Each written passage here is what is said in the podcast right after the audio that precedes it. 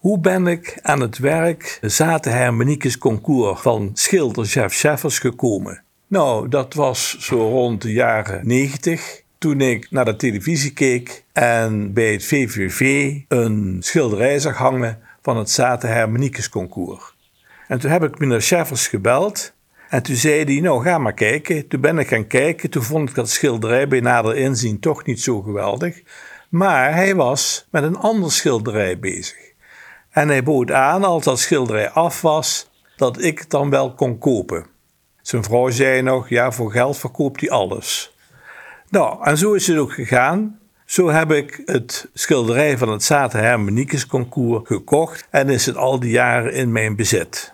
Maar wat zien we nou eigenlijk? Op het Vrijtof zie je heel veel carnavalsvierders verzameld om te luisteren naar de verschillende hermeniekes. En die spelen voor een jury.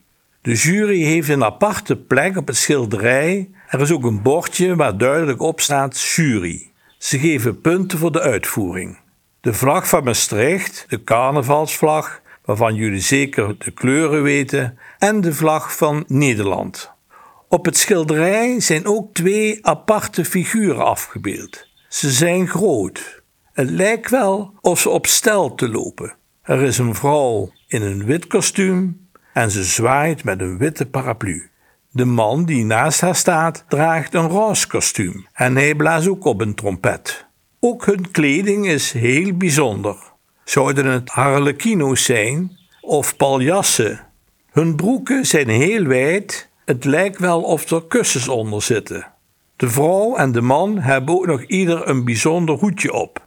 Het schilderij laat eigenlijk zien hoe in vroeger tijd carnaval gevierd werd.